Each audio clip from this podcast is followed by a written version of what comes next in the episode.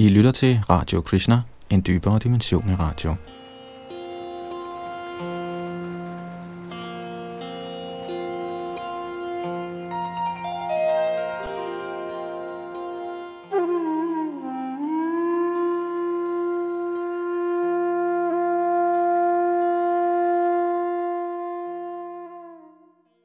I vores løbende gennemgang af Srimad Bhagavatam er vi som bekendt i gang med 10. bog, Kulminationen, og vi starter i dag på kapitel 66, Poundrak, den falske Vasudev.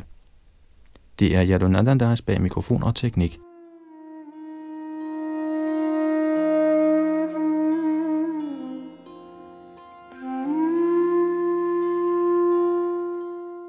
Tekst 1. Sukadev Goswami sagde, O konge, mens herren Balaram var bortrejst og opholdt sig i en andres landsby Vraja, sendte Karushas hersker, der Tobali tænkte, jeg er den højeste herre Vasudev, en meddelelse til herren Krishna. Kommentar. Siden herren Ram var taget til Nanda Vraj, tænkte Poundraka på tåbeligvis, at Krishna ville være alene og derfor let at udfordre, således vågede han at sende sit vanvittige budskab til herren.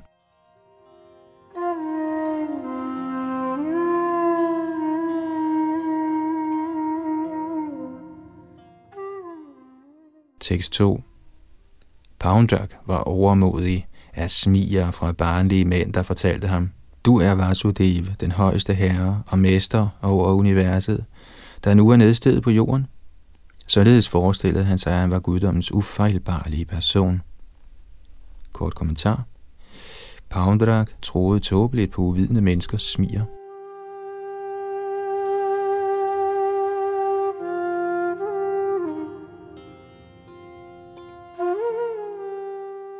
Tekst 3. Således sendte den tungne med kong Poundrak en budbringer til den uudgrundelige herre Krishna i Dwaraka. Paundrak handlede ligesom et uintelligent barn, som andre børn har udset til konge. Kommentar. Shalila Vishana Chakravarti siger, at grunden til, at Sukadev Goswami herfor anden gang nævner, at Paundrak sendte Krishna en meddelelse, er, at den store vismand er forbløffet over Paundraks ekstreme tåbelighed.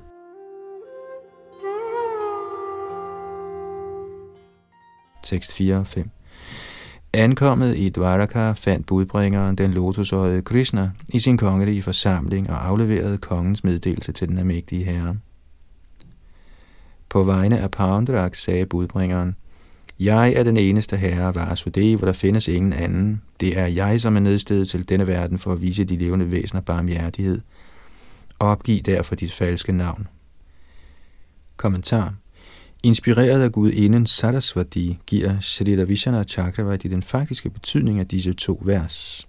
Og jeg citerer, Jeg er ikke Vasudevs inkarnation, men snarere er kun du og ingen anden Vasudev. Siden du er nedstedet for at vise de levende væsener på omhjertighed, få mig til at opgive min falske betegnelse, der er ligesom hvis en østers hævder at være sølv. Citat slut. Den højeste herre vil helt sikkert imødekomme dette ønske,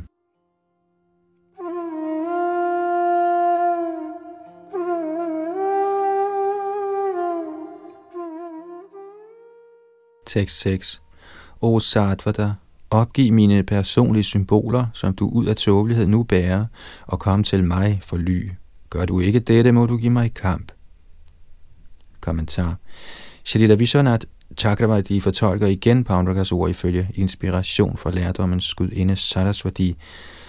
Således kan de forstås og betyde, ud af tåbelighed har jeg antaget en falsk konkylie, diskus, lotus og køle, og du opretholder disse ved at lade mig bruge dem. Du har endnu ikke kudet mig og fjernet disse efterligningssymboler. Kom derfor noget, så befri mig ved at tvinge mig til at opgive dem. Giv mig kamp, og skænk mig befrielse ved at slå mig ihjel.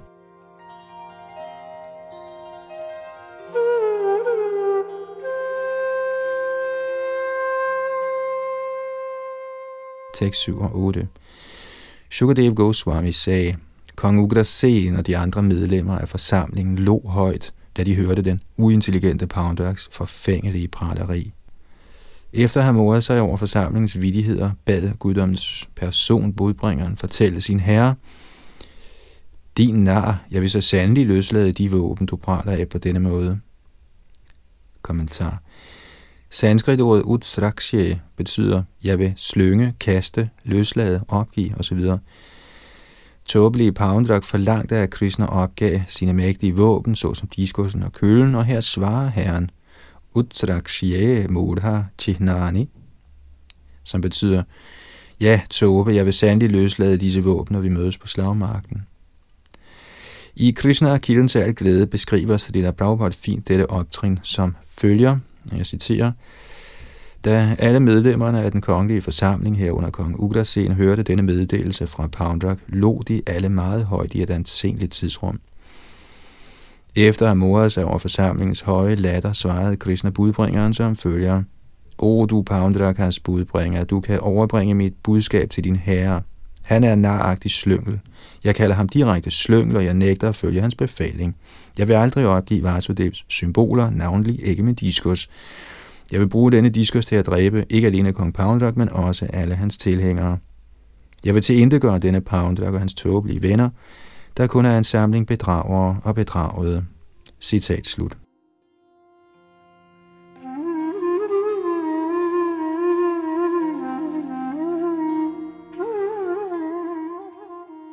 Tekst 9. Når du ligger død, o tåbe, med dit ansigt dækket af gribe, hejre og vatterfugle, vil du blive ly for hunde. Kommentar.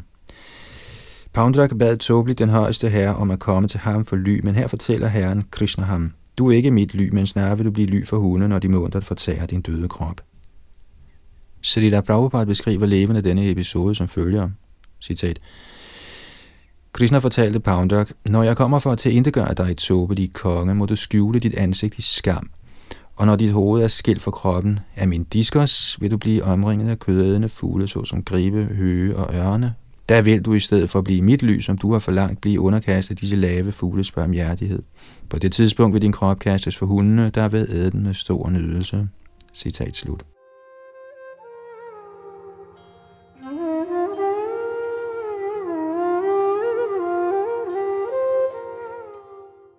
Tekst 10 da herren således havde talt, overbragte budbringeren hans fornærmelige svar til sin herre i dets helhed. Herren Krishna steg derpå op i sin stridsvogn og drog afsted mod Kashi-egnen. Kommentar I Krishna, kilden til al glæde, beskriver Srila Prabhupada denne episode som følger. Citat. Budbringeren overbragte Krishnas ord til sin herre Poundrak, der tålmodigt hørte alle disse fornærmelser – Uden at vente længere drog Krishna omgående afsted i sin stridsvogn for at straffe slynglen Poundrak. Siden kongen af Karusha, Poundrak, boede hos sin ven, kongen af Kashi, omringede Krishna hele Kashi by. Citat slut.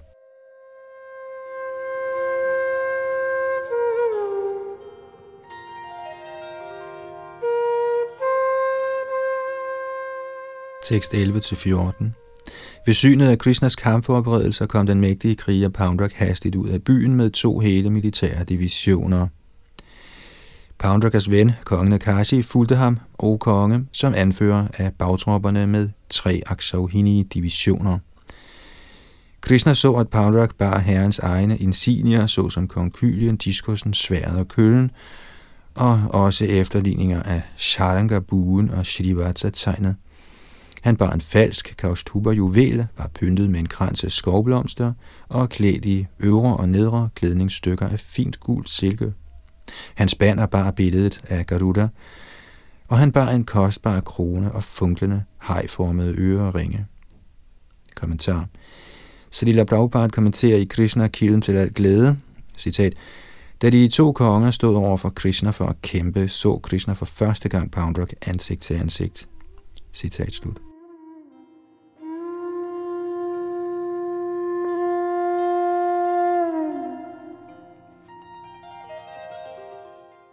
Tekst 15. Herren lå hjerteligt, da han så, hvordan kongen havde klædt sig ud i en nøjagtig efterligning af ham selv, ligesom en skuespiller på en scene. Kommentar. Salila Prabhupada beskriver dette optrin som følger, citat, i det hele taget var Parvakas tøj og pynt tydeligvis en efterligning. En hver kunne forstå, at han var ligesom et menneske på en scene, der spillede rollen som Vasudev i falsk klædedragt. Da Krishna så Pandrak imitere hans positur og påklædning, kunne han ikke holde latteren tilbage, og således lå han med stor fryd. Citat slut. Shrita Jiva Goswami påpeger, at det var en velsignelse fra herren Shiva, der satte Pandrak i stand til nøjagtigt at efterligne herrens påklædning og udseende, en kendskærning opsamlet fra Uttarakanda i Shri Padma Purana.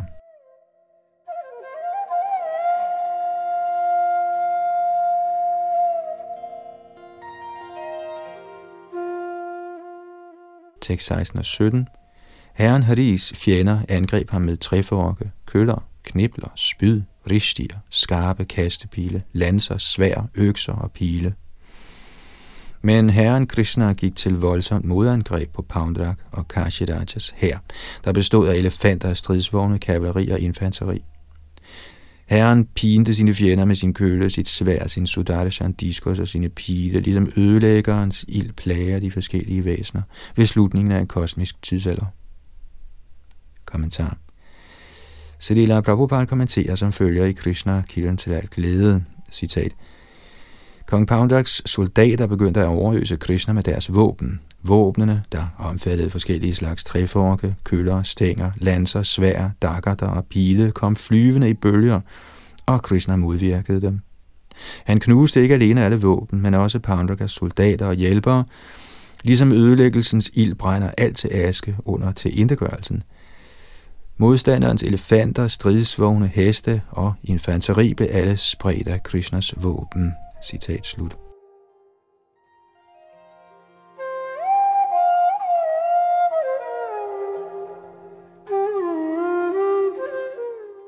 Tekst 18.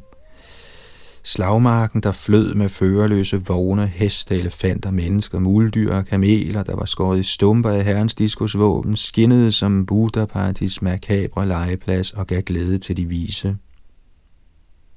Kommentar. Srila Prabhupada beskriver denne scene som følger, og jeg citerer, Selvom den herrede slagmark lignede Shivas danseplads ved tiden for verdens undergang, var krigere på Krishnas side uhyre opmuntret over at se dette, og de kæmpede med større styrke. Citat slut.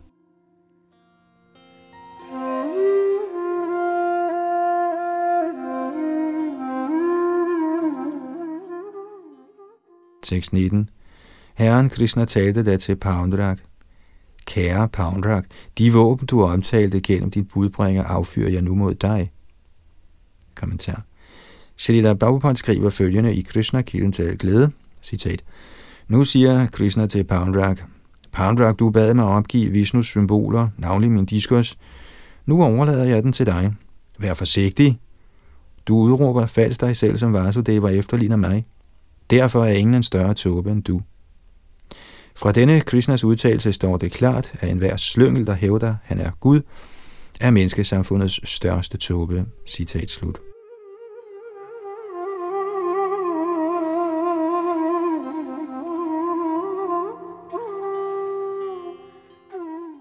Tekst 20. O Tove, jeg vil nu få dig til at opgive mit navn, som du falsk har antaget. Og jeg vil så sandeligt søge dit ly, hvis ikke jeg ønsker at kæmpe mod dig. Kommentar. Srila Prabhupada skriver, Nu, Poundrak, vil jeg tvinge dig til at give afkald på denne falske fremstilling. Du ville, jeg skulle overgive mig til dig. Det her er din chance.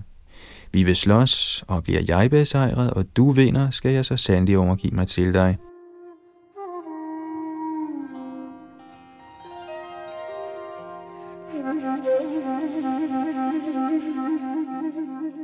Tekst 21 og 22 efter således at have spottet Poundrak, ødelagde Krishna hans stridsvogn med spidse pile. Herren huggede så hans hoved af med Sudarshan diskursen, ligesom Indra kapper en bjergtinder af med sit torden kildevåben. Med sine pile skilte Krishna ligeledes Kasirajas hoved fra kroppen, og sendte det flyvende ind i Kashi by, ligesom en lotusblomst kastet af vinden. Kommentar Srila Vishana Thakravati forklarer, hvorfor Krishna kastede Kasirajas hoved ind i byen jeg citerer, da han drog ud for at kæmpe, havde kongen af Kashi lovet borgerne, Kære medborgere i Kashi, i dag vil jeg bringe fjendens hoved ind i bymidten, nær ingen tvivl om det. Kongens syndige dronninger havde også pralet over for deres tjenestepiger. I dag vil vores mester så sandelig medbringe hovedet fra herren over Dvaraka. Derfor kastede den højeste herre kongens hoved ind i byen for at overraske indbyggerne. Citat slut.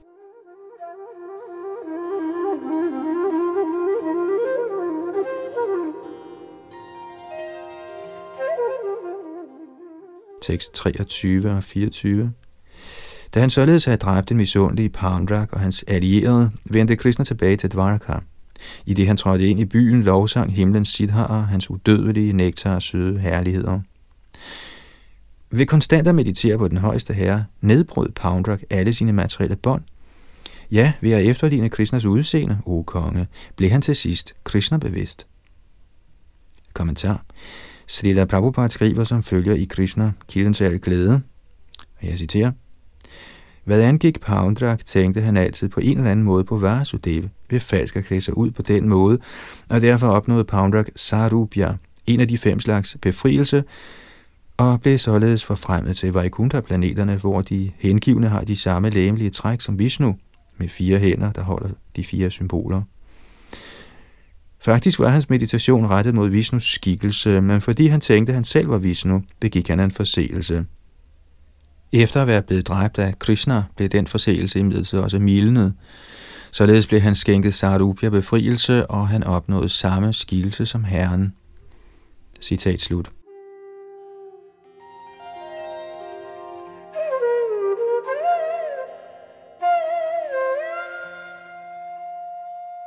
Tekst 25. Da de så et hoved pyntet med øreringe, der lå ved porten til det kongelige palads, blev de tilstedeværende mennesker rådvilde. Nogle spurgte, hvad er det her? Og andre sagde, det er et hoved, men hvis? Kommentar. Så det der Prabhupada skriver, da Kashi-kongens hoved blev kastet gennem byporten, samledes folk og blev forundret over at se denne besønderlige ting. Da de fandt øreringe på det, forstod de, at det var nogens hoved. De gættede på, hvis hoved det kunne være. Nogle mente, det var Krishnas, fordi Krishna var Kashi Rajas fjende, og de tænkte, at kongen af Kashi måske havde kastet Krishnas hoved ind i byen, så folk kunne glæde sig over, at fjenden var dræbt. Men det blev til sidst opdaget, at hovedet ikke var Krishnas, men Kashi Rajas eget.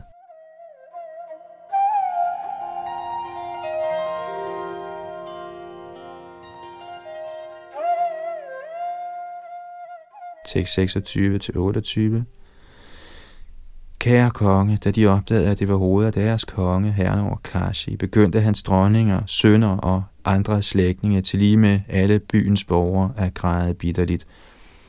Ak, vi er dræbt, o min herre, min herre. Efter at kongens søn Sudakshina havde udført de obligatoriske bortgangsritualer for sin far, besluttede han i sit sind, kun ved at dræbe min fars mor, der kan jeg hævne hans død.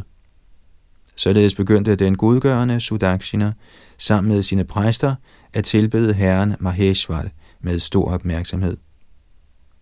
Kommentar. Srila Prabhupada skriver, Herren over Kashis kongerige er Vishwanath, eller Shiva.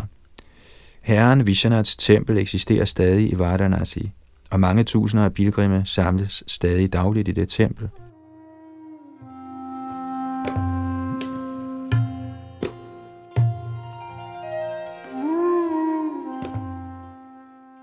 Tekst 29-31. Tilfreds med tilbedelsen viste den mægtige herre Shiva sig i Avimutas hellige område og tilbød Sudakshina en velsignelse efter ønske. Prinsen valgte som sin velsignelse en metode til at ihjelslå sin fars drabsmand. Herren Shiva fortalte ham, i selskab med præster skal du tjene Dakshinagni, ilden, den oprindelige præst, og følge påbudene for Avichar-ritualet, så vil Dakshinagni ilden sammen med mange pramathas opfylde dit ønske, hvis du retter den mod nogen, der er fjendtlig mod braminerne. Således instrueret overholdt Sudakshina strengt de rituelle løfter og påkaldte Abhichar mod herren Krishna. Kommentar. Det siges klart her, at den kraftfulde Dakshinagni ild kun kunne rettes mod nogen, der var modstander af Brahmins kultur – Krishna er imidlertid højst imødekommende over for brahminerne og opretholder i virkeligheden den brahminske kultur. Shiva vidste således, at hvis Sudakshina prøvede at rette kraften fra dette ritual mod Krishna, ville Sudakshina selv gå til krone.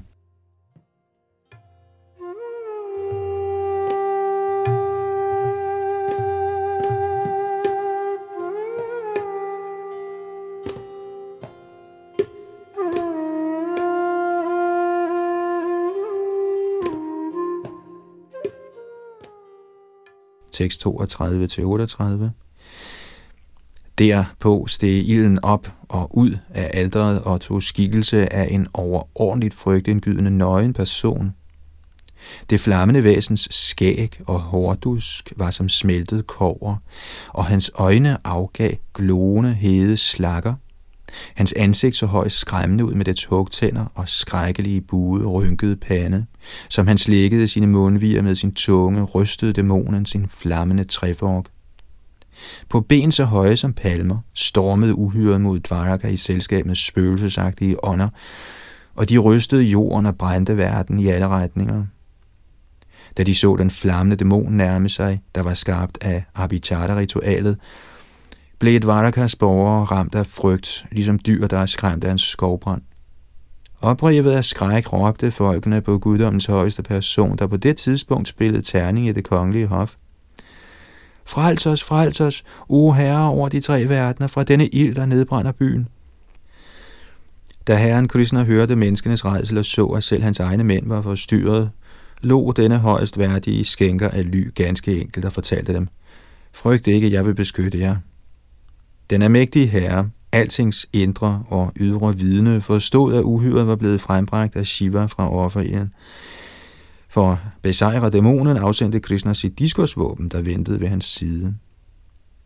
Kommentar Srila Vishana Chakravarti kommenterer, at herren Krishna, der spillede rollen som konge, var optaget af hasardspil og ønskede ikke at blive forstyrret af en så ubetydelig sag som et angreb fra en flammende dæmon. Så han afsendte helt enkelt sit chakravåben og beordrede ham til at tage de fornødne skridt.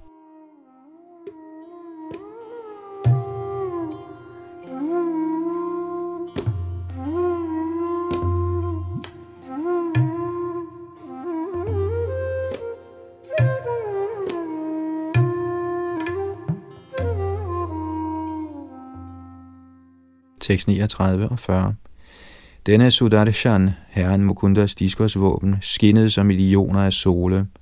Hans stråleglans brændte ligesom den kosmiske ødelæggelsesild, og med sin hede plagede han luften, alle retningerne, himlen og jorden, og også den flammende dæmon.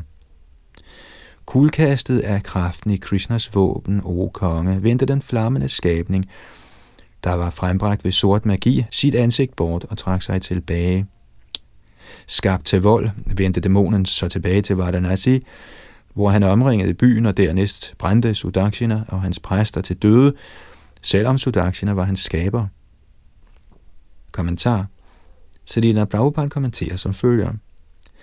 Da det lykkedes ham at sætte ild til Dvaraka, drog den flammende dæmon tilbage til Varanasi, Kasirajas kongerige. Som følge af hans tilbagevenden blev alle de præster, der havde hjulpet med instruktioner ud i den sorte mantra-kunst, til lige med deres arbejdsgiver Sudaksina, brændt til aske ved flammedæmonens brændende stråleglans. Ifølge metoderne for den sorte kunsts mantraer, der beskrives i Tantra, er det sådan, at hvis mantraet mislykkes med at dræbe fjende, dræber det, da det må dræbe nogen, det oprindelige skaber. Sudaksina var skaberen, og præsterne assisterede ham – Derfor bliver de alle brændt til aske. Sådan er dæmonerne. Dæmonerne skaber et eller andet, der skal dræbe Gud, men af de samme våben bliver dæmonerne selv dræbt.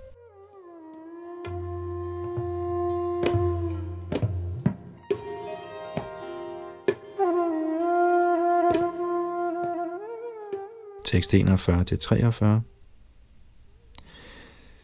Vishnus diskos trængte også ind i Varanasi i forfølgelse af den flammende dæmon og gav sig til at nedbrænde byen, herunder alle dens forsamlingshuse og beboelsespaladser med hævede verandaer, dens mange markedspladser, porte, vagtårne, magasiner og skatkammer og alle bygninger til elefanter, heste, stridsvogne og korn. Da han havde nedbrændt hele Varanasi i by, vendte Vishnus Sudarshan Chakra tilbage til siden af Shri Krishna, hvis handlinger er ubesværede. En hver dødelig, der genfortæller denne herren Uttamasloks heroiske tidsfordriv, eller som helt enkelt hører det opmærksomt, bliver befriet fra alle synder.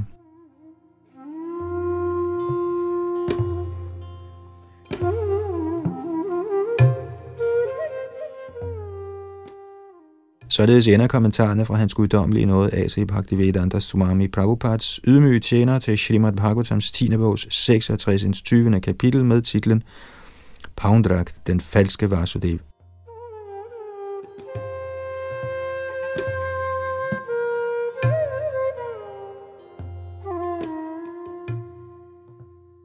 Kapitel 67 Herren Balaram dræber gorillaen Dvivida Tekst 1 Den ærefulde kong Pariksit sagde, Jeg ønsker at høre videre om Shri Balaram, den uendelige og umålige højeste herre, hvis aktiviteter alle er utrolige. Hvad mere gjorde han? Shri Sukadev Goswami sagde, der var en abe ved navn Vivida, der var en af Narakasuras venner. Denne mægtige Vivida, bror til Mahinda, var blevet instrueret af kong Sugriv. Kommentar Shalila Jiva Goswami giver nogle interessante fakta angående aben Dvivida. Selvom Dvivida var en af Ramchandras fælder, blev han senere fordærvet af dæmonen Narakas dårlige selskab, som udtalt her, Narakas Sakar. Denne dårlige omgang var reaktionen på en forseelse – Dvivida havde begået, da han stolt af sin styrke havde været respektløs over for herren Ramchandras bror Lakshman og andre. De, som tilbeder Ramchandra, synger under tiden hymner, der er rettet mod Mainda og Dvivida, der er herrens guddommelige tjenere. Ifølge Shrita Jiva Goswami er de Mainda og Dvivida, der nævnes i dette vers, bemyndigede ekspansioner af disse skikkelser, der er indbyggere i Ramchandras Vaikuntha-domæne.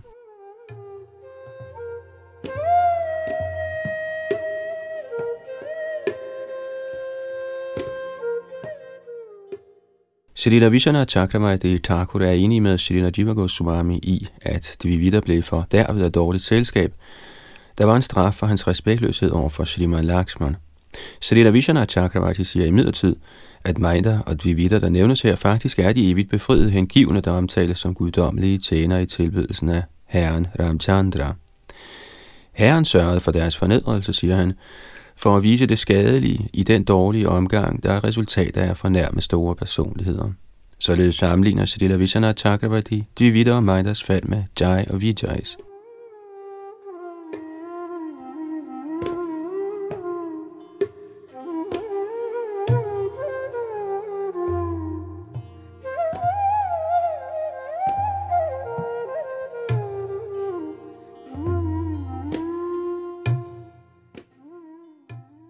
Tekst 3 For at hævne sin vens, Narakas død, herrede aben Dvivida landet med ildspåsættelser, der nedbrændte byer, landsbyer, miner og kohyrdernes besiddelser. Kommentar Krishna havde dræbt Dvividas ven Naraka, og for at gøre gengæld besluttede aben at ødelægge herren Krishnas blomstrende kongerige. I Krishna, kilden til alt glæde, skriver Sadila Prabhupada, og jeg citerer, Hans første ærne var at sætte ild til landsbyer, byer, industriområder og områder til minedrift, såvel som beboelseskvarterer for handelsstanden, der var optaget af mælkeproduktion og beskyttelse af køer. Citat slut.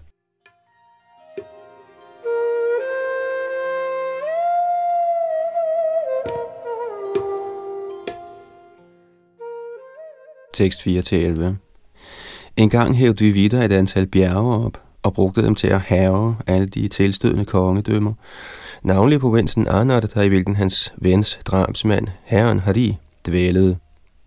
En anden gang gik han ud i havet, og med styrken af 10.000 elefanter piskede han vandet op med sine arme og oversvømmede således kystområderne. Den slette abe væltede træerne i de ophøjede vismænds eremitager og forurenede deres offerbål med afføring og urin. Ligesom en vips fængsler mindre insekter, smed han på arrogant vis både mænd og kvinder ind i grotter i en dal i bjergene og lukkede grotterne til med rullesten. En gang mens vi videre var således beskæftiget med at chikanere de tilstødende kongeriger og smitte kvinder fra respektable familier, hørte han livlig sang, der kom fra Raivatak-bjerget, så han drog derhen. Der så han Shri Balaram, jaduernes herre, der var pyntet med en krans af lotusblomster, og hvis hele lægeme var højst tiltrækkende. Han sang midt i en flok af unge kvinder, og siden han havde drukket Varuni spiritus, rullede hans øjne som af fuldskab. Hans lægeme strålede klart, og han opførte sig som en elefant i brunst. Den ondsindede abe klatrede op i et træ og gjorde derpå opmærksom på sig selv ved at ryste træerne og lave lyden killer killer. Kommentar. Ordet Sakhar Mriga tilkendegiver, at aben Dvivida, ligesom almindelige aber, naturligt var tilbøjelig til at klatre i træer. Srila Prabhupada skriver, citat, Denne gorilla ved navn Dvivida kunne klatre op i træerne og springe fra gren til gren. Under tiden ville han rykke i grenene, hvilket skabte en bestemt lyd, killer killer, sådan at Balaram blev alvorligt afledt fra den behagelige stemning. Citat slut.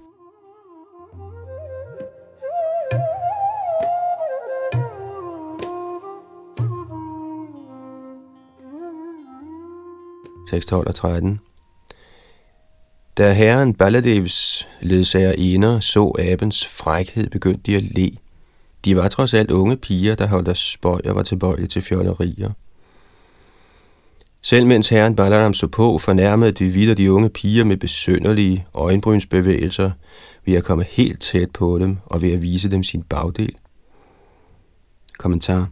Shalila Prabhupada skriver, citat, denne gorilla var så uforskammet, at han selv i Balarams nærvær begyndte at vise kvinderne sine læber og lægemstele, og under tiden ville han komme frem og vise sine tænder, mens han bevægede sine øjenbryn. Citat slut. Salila Vishana og Chakamai, de udtaler, at de videre ville komme helt tæt på kvinderne og gå omkring og lade vandet osv.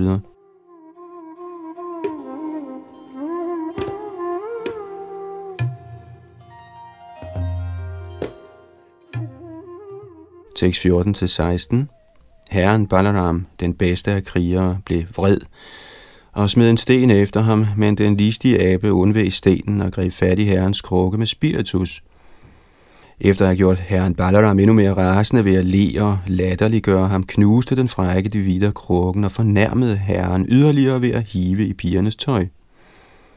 Således blev den mægtige abe, der var oplæst af falsk stolthed, ved med at fornærme Shri Balaram. Herren Balaram så abens grove opførsel og betænkte de forstyrrelser, han havde skabt i de omgivende kongeriger. Således bevæbnede herren sig med sin kølle og sin plov, siden han havde besluttet sig for at aflive sin fjende. Kommentar. Ordet Avinayam betyder uden ydmyghed. Dvivida, der var helt blottet for anstændighed og ydmyghed, begik skamløst de mest ugudelige handlinger – Herren Balaram kendte til de enorme forstyrrelser, de videre havde skabt for almindelige mennesker, bortset fra den skændige opførsel, aben udviste i herrens eget nærvær. Den fornærmelige abe måtte nu dø.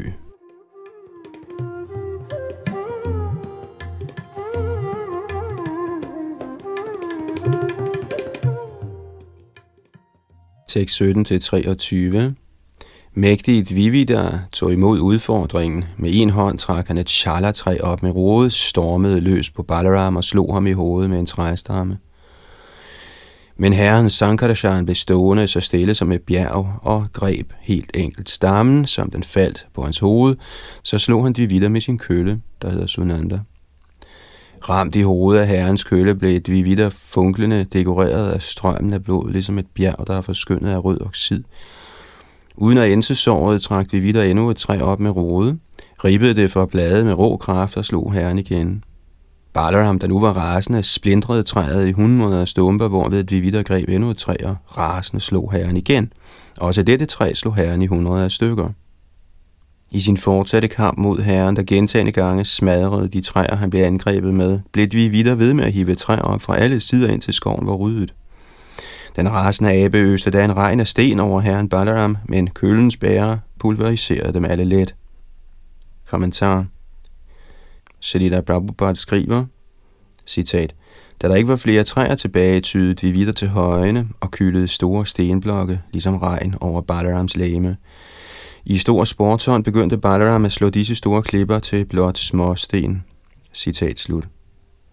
Selv i dag er der mange sportsgrene, hvor folk slår til en bold eller lignende med en pind eller et boldtræ. Denne sportslige tilbøjelighed er oprindeligt til stede i guddommens højeste person, der lejende, liler jeg, pulveriserede de dødbringende klippestykker, der blev kastet mod ham af den mægtige Dvivida.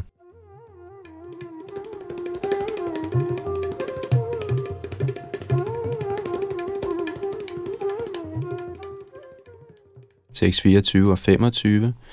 Dvivida, den mægtigste af aber, knyttede nu sine næver for enden af sine arme, der var på størrelse med palmer, kom foran herren Balaram og slog sine næver mod herrens krop.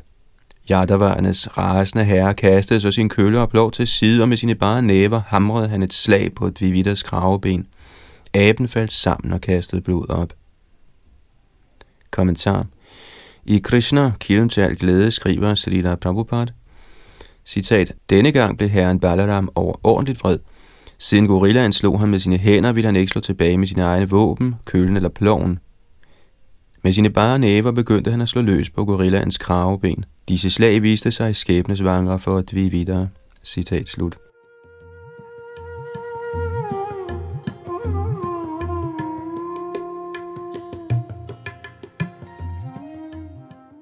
Tekst 26 da han faldt, o du tiger blandt kuduer, skælvede Reibertak-bjerget til lige med dets klipper og træer, ligesom en stormpisket båd på havet. Kommentar Ordet tanka her tilkendegiver ikke alene bjergklipper, men også sprækker og andre steder, hvor vand havde overpåbet sig. Alle disse bjergeområder rystede og skælvede, da de videre faldt.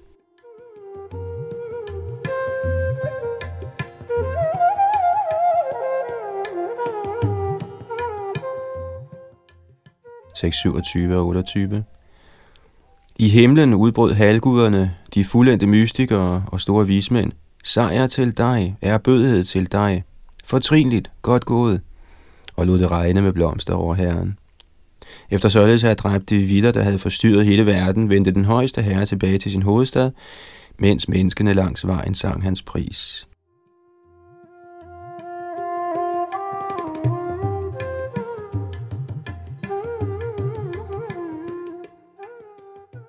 Således ender kommentarerne fra hans guddommelige nåde, A.C. Bhaktivedanta Swami Prabhupads ydmyge tjenere til Srimad Bhagavatams 10. bogs 67. 20. kapitel med titlen Herren Balaram dræber gorillaen Dvivida.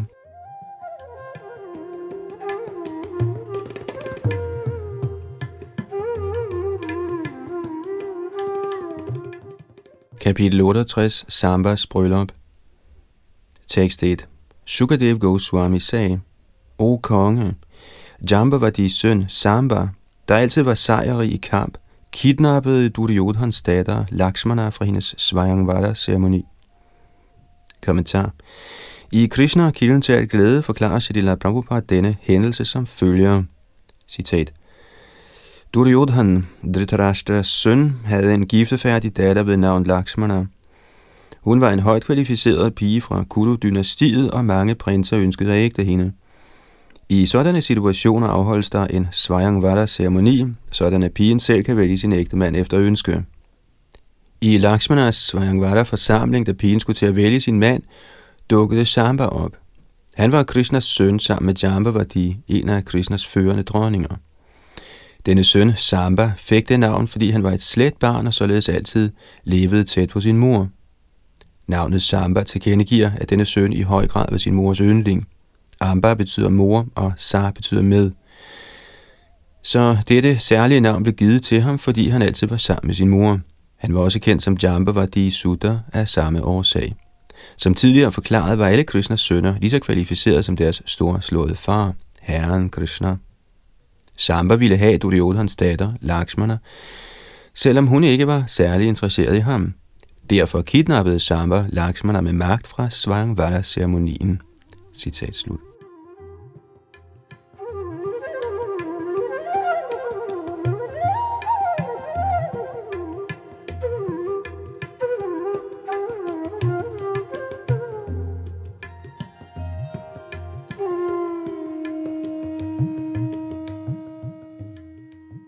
Tekst 2-5 De vrede kuduer sagde, denne uopdragende knægt har fornærmet os ved med magt at bortføre vores ugifte datter mod hendes vilje.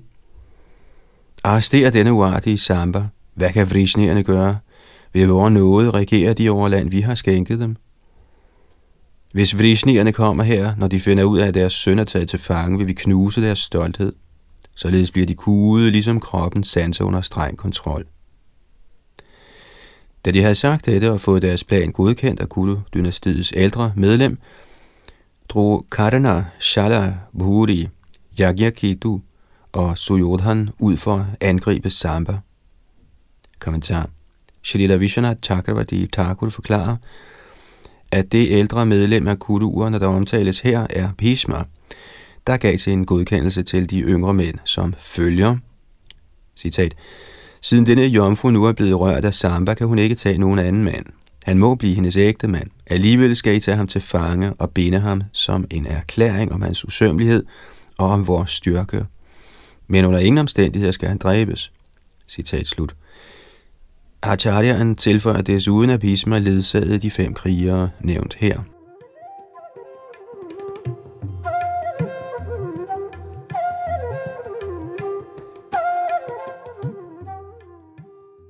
Tekst 6-8 Da han så Duryodhan og hans venner komme stormende imod sig, tog Samba, den store stridsvognskæmper, sin strålende bue og stod alene som en løve. De vrede bueskytter under ledelse af Karna der var opsat på at fange ham, råbte af Samba, stå op og kæmp, stå op og kæmp. De kom direkte imod ham og overøste ham med pile.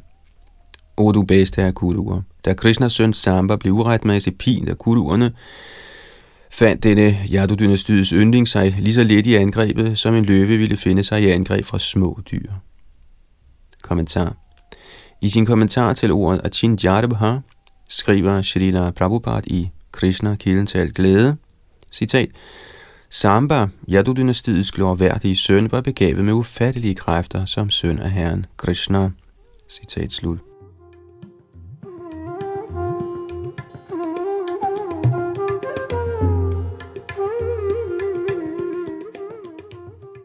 6, 9 og 10. Den heldemodige Samba knipsede strengen på sin vidunderlige bue, og hans pile ramte de seks krigere, anført af Karana. Han gennemborede de seks stridsvogne med lige så mange pile, hvert spand af hvide heste med fire pile og hver vognstyr med en enkelt pil, og han ramte ligeledes de store bueskytter, der havde kommandoen over stridsvognene. Fjendens krigere lykønskede Samba for hans udvisning af tapperhed. Kommentar Shrila Prabhupada kommenterer, citat, Mens Samba så flittigt kæmpede alene mod de seks mægtige krigere, værdsatte de alle den unge mands ufattelige styrke. Selv midt i kampens hede indrømmede de åbent, at denne unge Samba var helt fantastisk. Citat slut.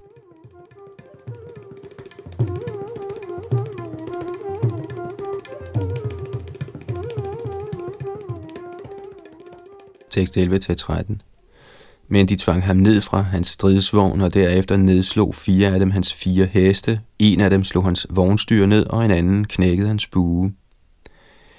Efter de havde berøvet Samba hans stridsvogn under kampen, bandt Kudu-krigerne ham med stor vanskelighed og vendte derpå sejrrige tilbage til deres by sammen med den unge mand og deres prinsesse. O konge, da Yadavarne fik nys om dette fra Shri Narad, blev de vrede. Kraftigt tilskyndet af kong Ugratsen gjorde de sig klar til krig mod kuruerne. Kommentar Srila Prabhupada skriver, citat, den store vismand Narada bragte omgående den nyhed til Yadu-dynastiet, at Samba var taget til fange, og vel at mærke på utilbørlig vis af seks krigere. Med tilladelse fra Yadu-dynastiets overhoved, kong Ugrasen, gjorde de sig nu klar til at angribe Guru-dynastiets hovedstad. Citat slut.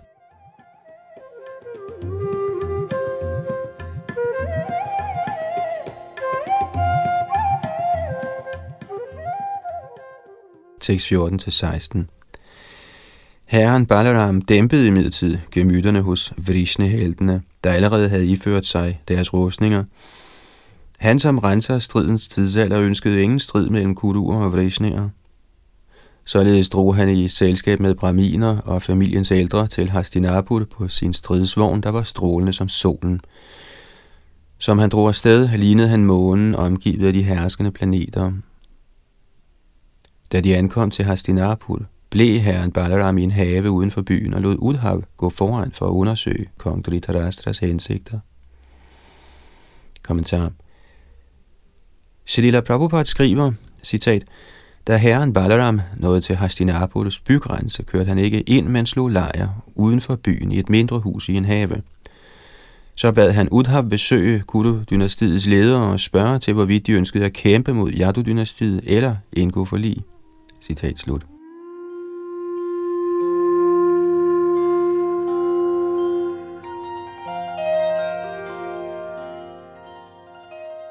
Tekst 17. Efter at have vist behørig respekt til Ambikas søn, Dhritarashtra, og til Bhishma, Drona, Bahalika og Duryodhan, informerede Udhava dem om, at herren Balaram var ankommet. Kommentar. Shalita Vishana Chakravarti påpeger, at der her ikke er nogen henvisning til, at Udhava viste Yudhishthira hans omgangsfælder respekt, eftersom Pandavarerne på det tidspunkt boede i Indraprastha.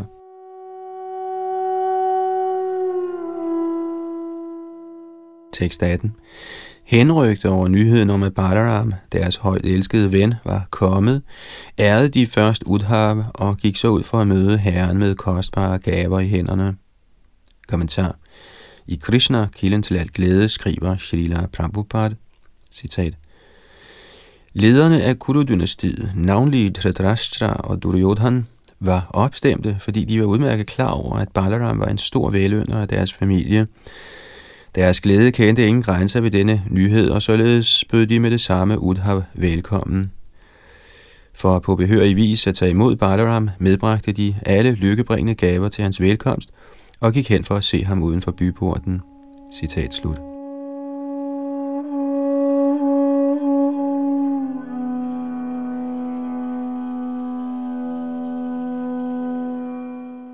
Tekst 19 de nærmede sig herren Balaram og tilbad ham med gaver bestående af køer og argya, som de så hører og bør. De blandt kuluerne, der forstod hans sande magt, bøjede sig for ham og rørte jorden med deres hænder. Kommentar. Acharyerne forklarer, at selv de ældre, såsom Bhishmadev, også bøjede sig for herren Baladev.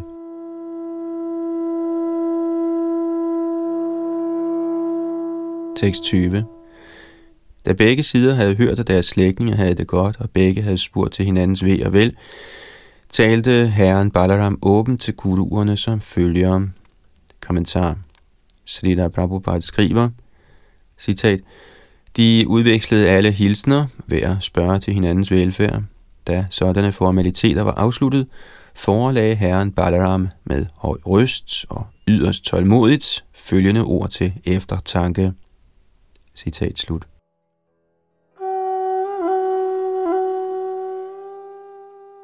tekst 21 og 22. Herren Balaram sagde, Kong Ugrasen er vor herre og hersker over konger. Med uddelt opmærksomhed må I høre, hvad han har befalet jer, og derpå gøre det med det samme. Kong Ugrasen har sagt, Selvom flere af jer på irreligiøs vis besejrede en enkelt modstander, der fulgte de religiøse regler, vil jeg alligevel tolerere dette for at bevare harmonien mellem familiemedlemmer. Kommentar. Her siger Ugrasen underforstået, at kuruerne omgående skal hente Samba og overlade ham til herren Balaram.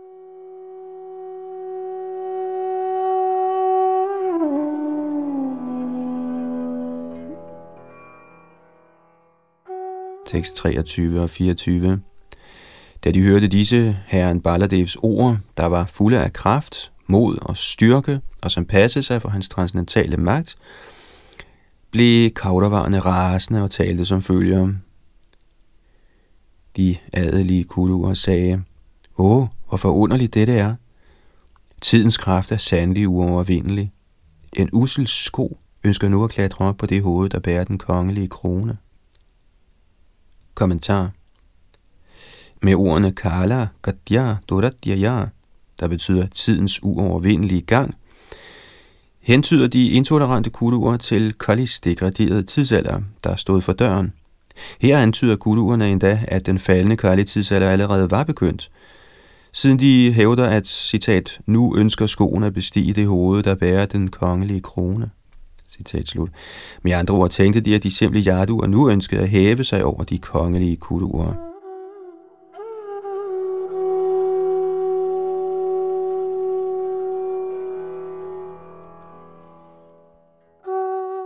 tekst 25 og 26. Det er fordi disse vrishnier er forbundet med os gennem ægteskab, at vi har skænket dem lighed og tilladt, at de deler vores lejer, sidepladser og måltider. Faktisk er det os, der har givet dem deres kongelige troner.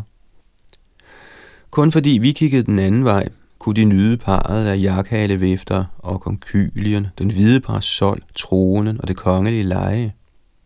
Kommentar. Srila Prabhupada skriver, at kuruerne tænkte, citat, de, altså jaduerne, burde ikke have brugt sådan kongeligt udstyr i vores tilstedeværelse, men grundet familiebånd forhindrede vi dem ikke. Citat slut. Ved at bruge ordene Asmat Upek Shaya mener kuruerne underforstået, citat, de var i stand til at bruge disse kongelige insignier, fordi vi ikke tog sagen alvorligt. Citat slut. Som forklarede af Shrita hvad de tænkte kuruerne. Citat. Hvis vi viste bekymring over, at de brugte disse genstande, ville det være tegn på respekt. Men faktisk nærer vi ikke sådan respekt for dem. Siden de er af lavere stående familier, skal de ikke vises respekt, og således tager vi os ikke af dem. Citat slut.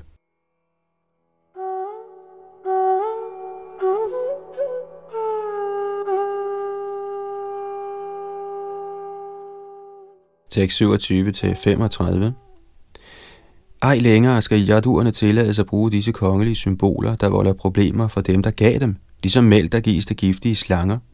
Disse jadavar, der har kunnet blomstre ved vor barmhjertighed, har nu mistet al skam og våger at befale os. Hvordan ville selv indre våge at bemægtige sig noget som helst, der ikke er blevet givet ham af Bhishma, Drona, Arjuna eller de øvrige kuduer? Det ville være ligesom hvis et lam gjorde krav på løvens bytte. Shri Badarayani sagde, O du bedste af Bharata, da de arrogante kuruer, grundigt oplæste ved deres fødsels- og slægtskabs overflod, havde talt disse hårde ord til herren Balaram, vendte de om og gik ind i deres by. Da det nu fejlbarlige herre Balaram så kuruernes slette karakterer og hørte deres modbydelige ord, blev han opfyldt af raseri. Med et ansigtsudtryk, der var skrækkeligt at se, lå han igen og igen og talte som følger.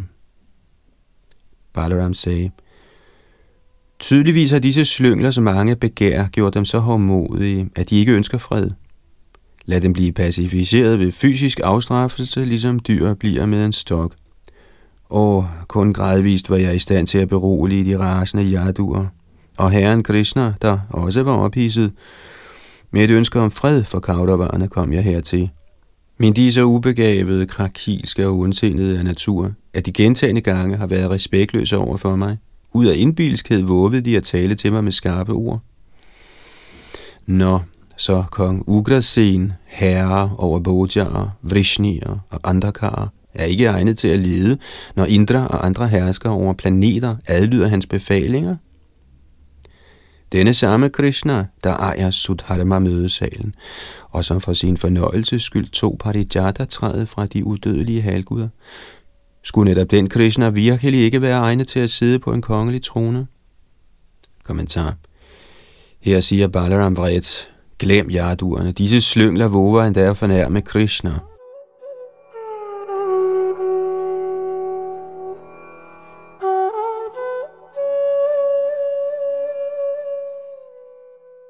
tekst 36 og 37. Selve lykkens gudinde, der styrer hele universet, tilbyder hans fødder, og skulle lykkegudindens herre ikke fortjene en dødelig konges udstyr. Støvet fra Krishnas lotusfødder, der er kilden til hellighed for alle pilgrimsteder, bliver tilbedt af alle de store halvguder. Alle planeters førende guddomme yder ham tjeneste, og de betragter sig selv som yderst heldige, siden de er i stand til at tage støvet fra Krishnas lotusfødder på deres kroner.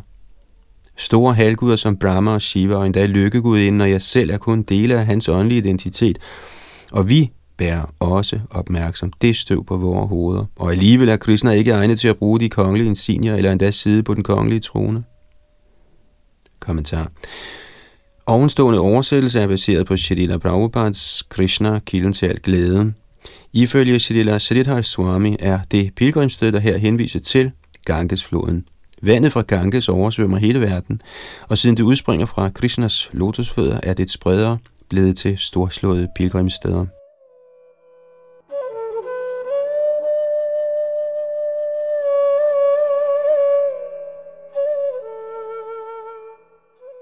Tekst 38 til 41. Nå, så vi vrishnier nyder kun hvad en lille stykke land kuruerne giver os tilladelse til, og vi er sågar sko, hvorimod kuruerne er hovedet. Se, hvor berusede disse indbilske kuruer er af deres såkaldte magt, ligesom almindelige fulde mænd. Hvilken virkelig hersker, der havde magt til at befale, ville tåle deres naragtige, ubehagelige ord. I dag vil jeg befri jorden for Kaudavarerne, bekendt gjorde den rasende Balaram. Således tog han sit plovvåben og rejste sig op, som var det for at sætte de tre verdener i brand. Herren gravede i raseri Hastinapur op med spidsen af sin plov og begyndte at hale den i den hensigt at kaste hele byen i Ganges. Kommentar. Srila Prabhupada skriver som følger, jeg citerer, Herren Balaram forekom i den grad rasende, at han så ud til at kunne brænde hele den kosmiske skabelse til aske. Han stod fast, og med ploven i hånden begyndte han at hamre i jorden med den. Således blev hele Hastinapur skilt fra jorden. Herren Balaram gav sig derpå til at hale den ganske by hen imod Gangesflodens strømmende vand. På grund af dette var der en stor rystelse gennem hele Hastinapur, som om der havde været jordskælv, hvor det virkede som om hele byen ville blive nedrevet. Citat slut. Så Lila Vishana Chakravarti udtaler, at ved herrens ønske var hans plov blevet større, samt at mens Balaram begyndte at slæbe Hastinapur hen imod havet, befalede han Ganges, med undtagelse af Samba skal du med dit vand angribe og dræbe enhver i byen. Således ville han opfylde sit løfte om at befri jorden fra kaudavarerne, mens han samtidig sørger for, at intet ondt skete Samba.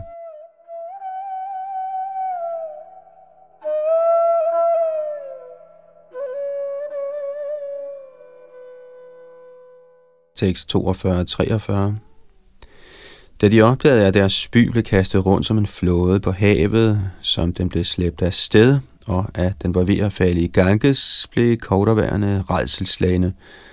For at redde livet nærmede de sig herren for ly sammen med deres familier. De anbragte Samba og Laksmana forrest og foldede deres hænder i bøn. Kommentar. Hastinapur by begyndte at vælte rundt som en flåde på et stormfuldt hav. For hurtigt der milende herren hentede de skrækslagende Kaudavarer omgående Samba og Laksmana og placerede dem i front.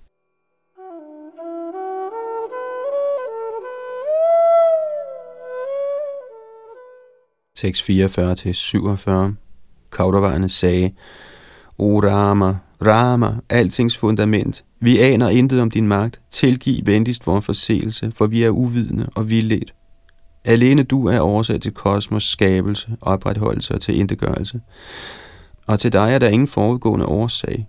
Ja, o Herre, autoriteter siger, at verdenerne blot er dit legetøj, mens du udfører dine tidsfordriv. O, du uendelige med tusinder af hoveder. Som tidsfordriv bærer du denne jordklode på et af dine hoveder. Ved tiden for tilindegørelse trækker du hele universet ind i din krop, og helt alene ligger du ned for at hvile. Din vrede er beregnet på at belære alle. Den er ikke udtryk for had eller misundelse. O højeste herre, du opretholder godhedens rene kvalitet, og du bliver kun vred for at vedligeholde og beskytte denne verden. Kommentar. Kuruerne indrømmer, at Balarams vrede var helt berettiget, og i virkeligheden var til deres bedste. Som Srila Vishana Chakravarti udtrykker det, mente kuruerne underforstået, citat, fordi du udviste denne vrede, er vi nu blevet civiliseret, hvorimod vi tidligere var slette og var ude af stand til at se dig, forblindet som vi var af stolthed. Citat slut.